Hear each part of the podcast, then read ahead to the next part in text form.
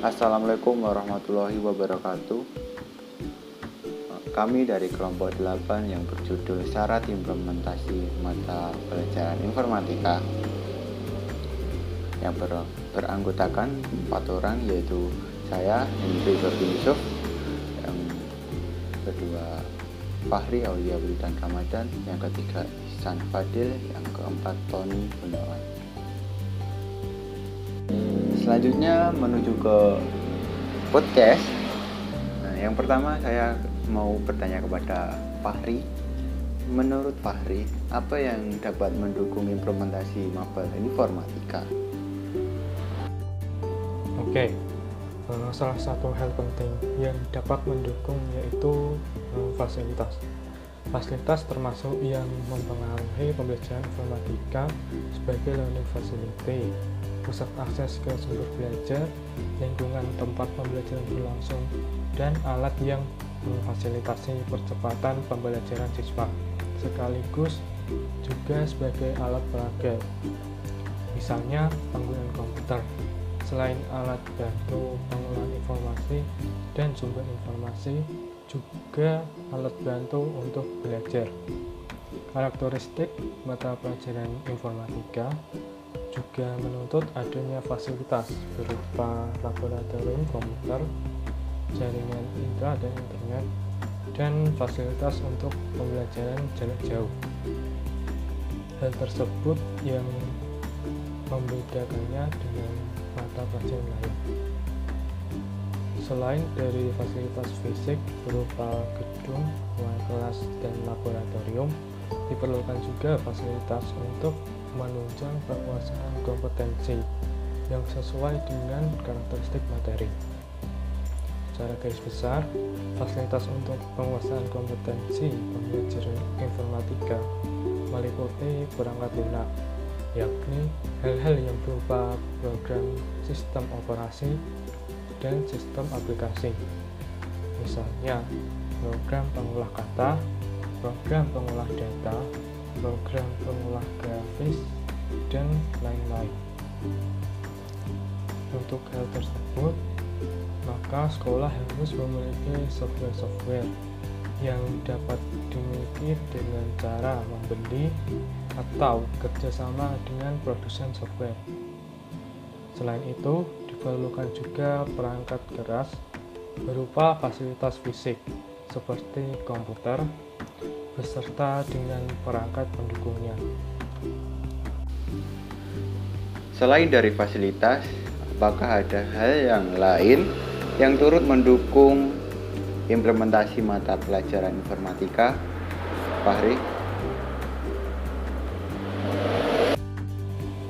Uh, ada juga beberapa hal lain, seperti dukungan dari sekolah dalam kurikulum berbasis kompetensi Penerapan mata pelajaran informatika merupakan materi yang wajib diberikan di sekolah. Meski sebuah keharusan, pihak sekolah tidak hanya menerima dengan apa adanya, melainkan perlu adanya kesungguhan dan kerja optimal untuk keberhasilan penyelenggaraan pembelajaran informatika. Sebagai mata pelajaran yang baru, tentunya diperlukan persiapan sarana fisik dan non fisik, serta berbagai dukungan dari berbagai pihak, baik pemerintah maupun masyarakat. Hal tersebut sangat ditentukan oleh kesungguhan pihak sekolah sebagai pusat penyelenggaraan TIK di sekolah yang dapat ditandai dengan cara e, mengupayakan tersedianya infrastruktur yang diperlukan dalam pembelajaran mengembangkan sumber daya manusia untuk meningkatkan kualitas pembelajaran serta menjalin kerjasama yang lebih intensif dengan lembaga-lembaga di luar sekolah yang berhubungan dengan implementasi mata pelajaran informatika. Eh, selain dari sekolah, ada juga dukungan dari pemerintah. Sesuai dengan kewenangan dan fungsinya sebagai penentu kebijakan dan pengayom, peran pemerintah sangat diperlukan untuk keberhasilan penyelenggaraan implementasi mata pelajaran informatika dengan cara mengontrol dan mengevaluasi implementasi mata pelajaran informatika di sekolah. Apakah sudah sesuai dengan kurikulum yang berbasis kompetensi? Selain itu diperlukan juga peran pemerintah untuk menyediakan sebuah fasilitas yang dipersyaratkan oleh tuntutan kurikulum agar kompetensi yang diharapkan dapat tercapai.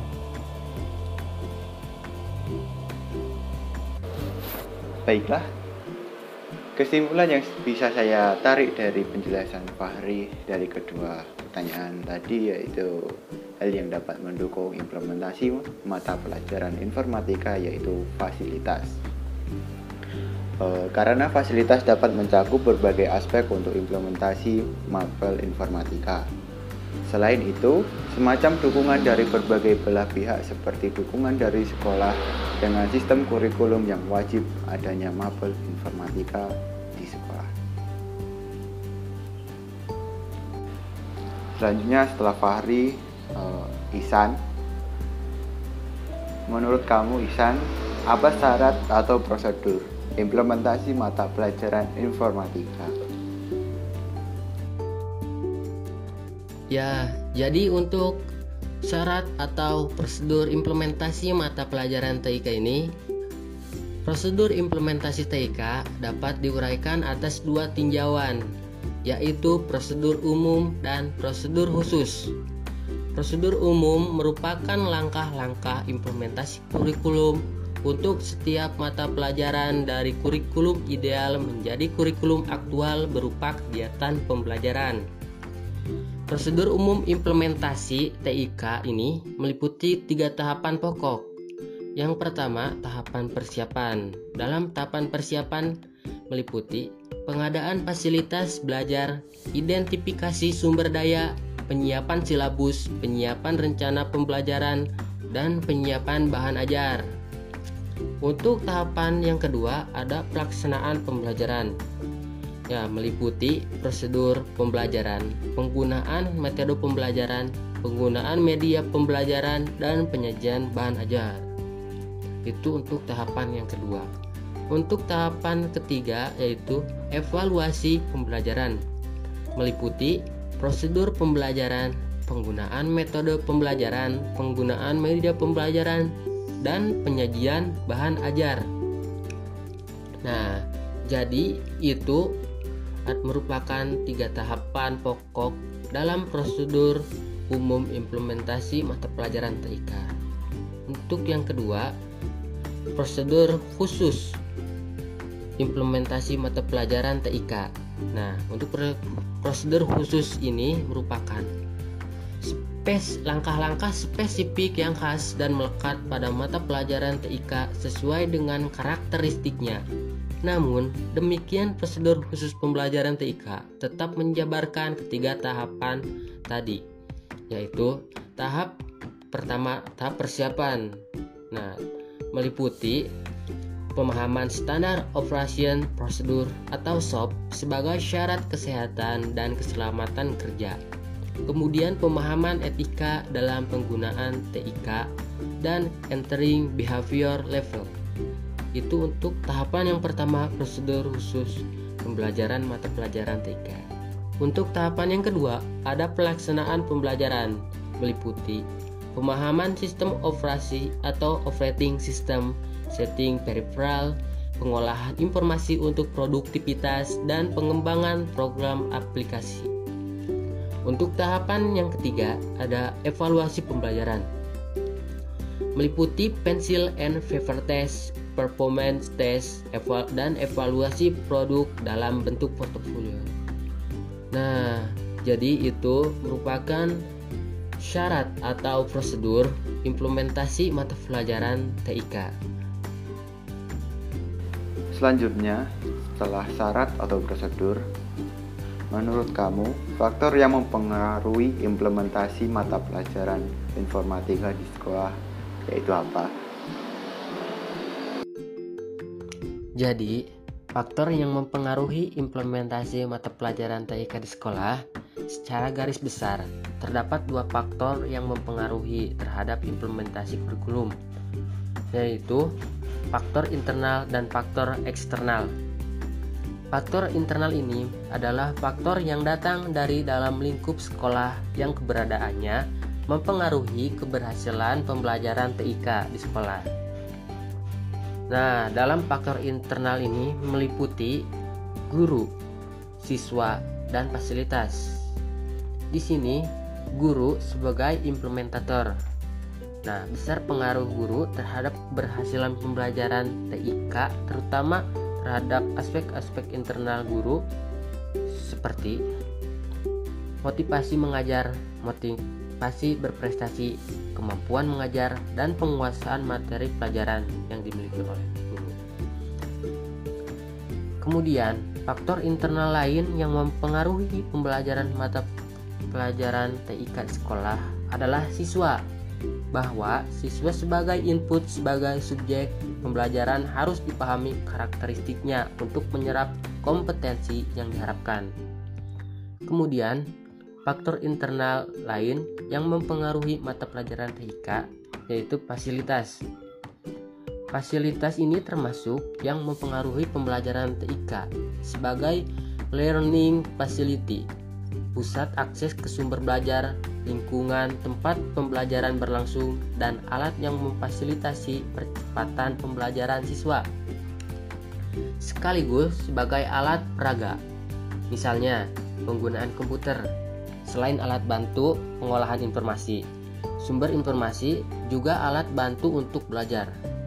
Kemudian, untuk faktor eksternalnya, yang mana faktor eksternal yang dimaksud dalam pembahasan ini adalah faktor yang datang dari luar individu guru sebagai implementator mata pelajaran TIK yang mempengaruhi terhadap keberhasilan pembelajaran.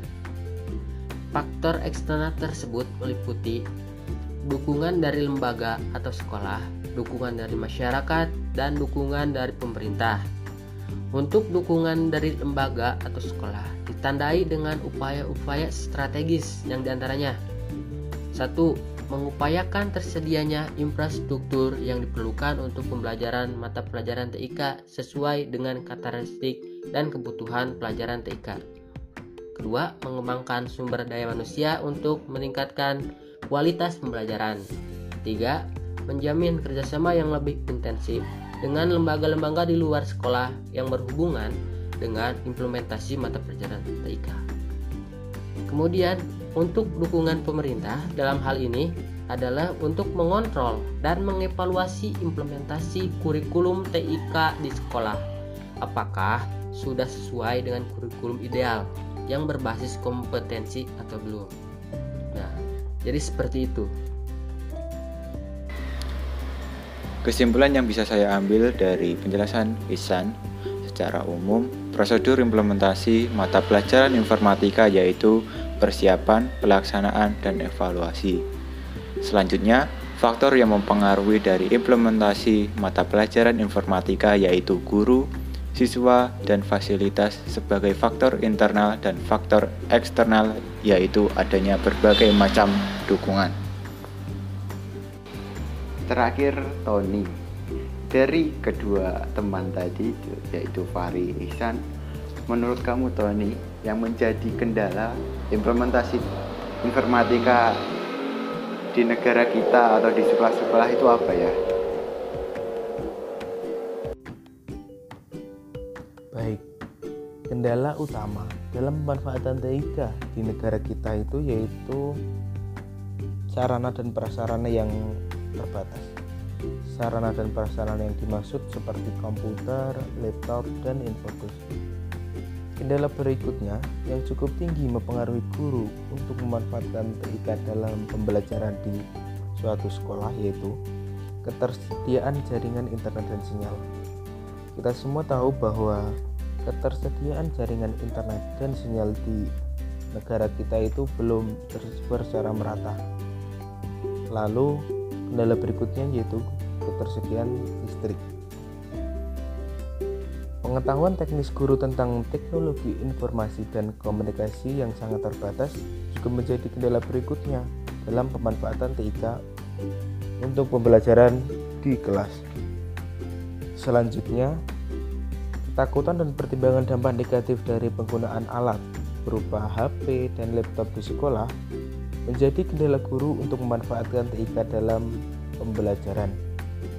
Atas pertimbangan ketakutan penyalahgunaan TIK tersebut, ada juga sekolah yang mengeluarkan kebijakan untuk melarang guru membawa HP ke sekolah. Kendala terkecil penghambat guru memanfaatkan TIK adalah terkait pengolahan data.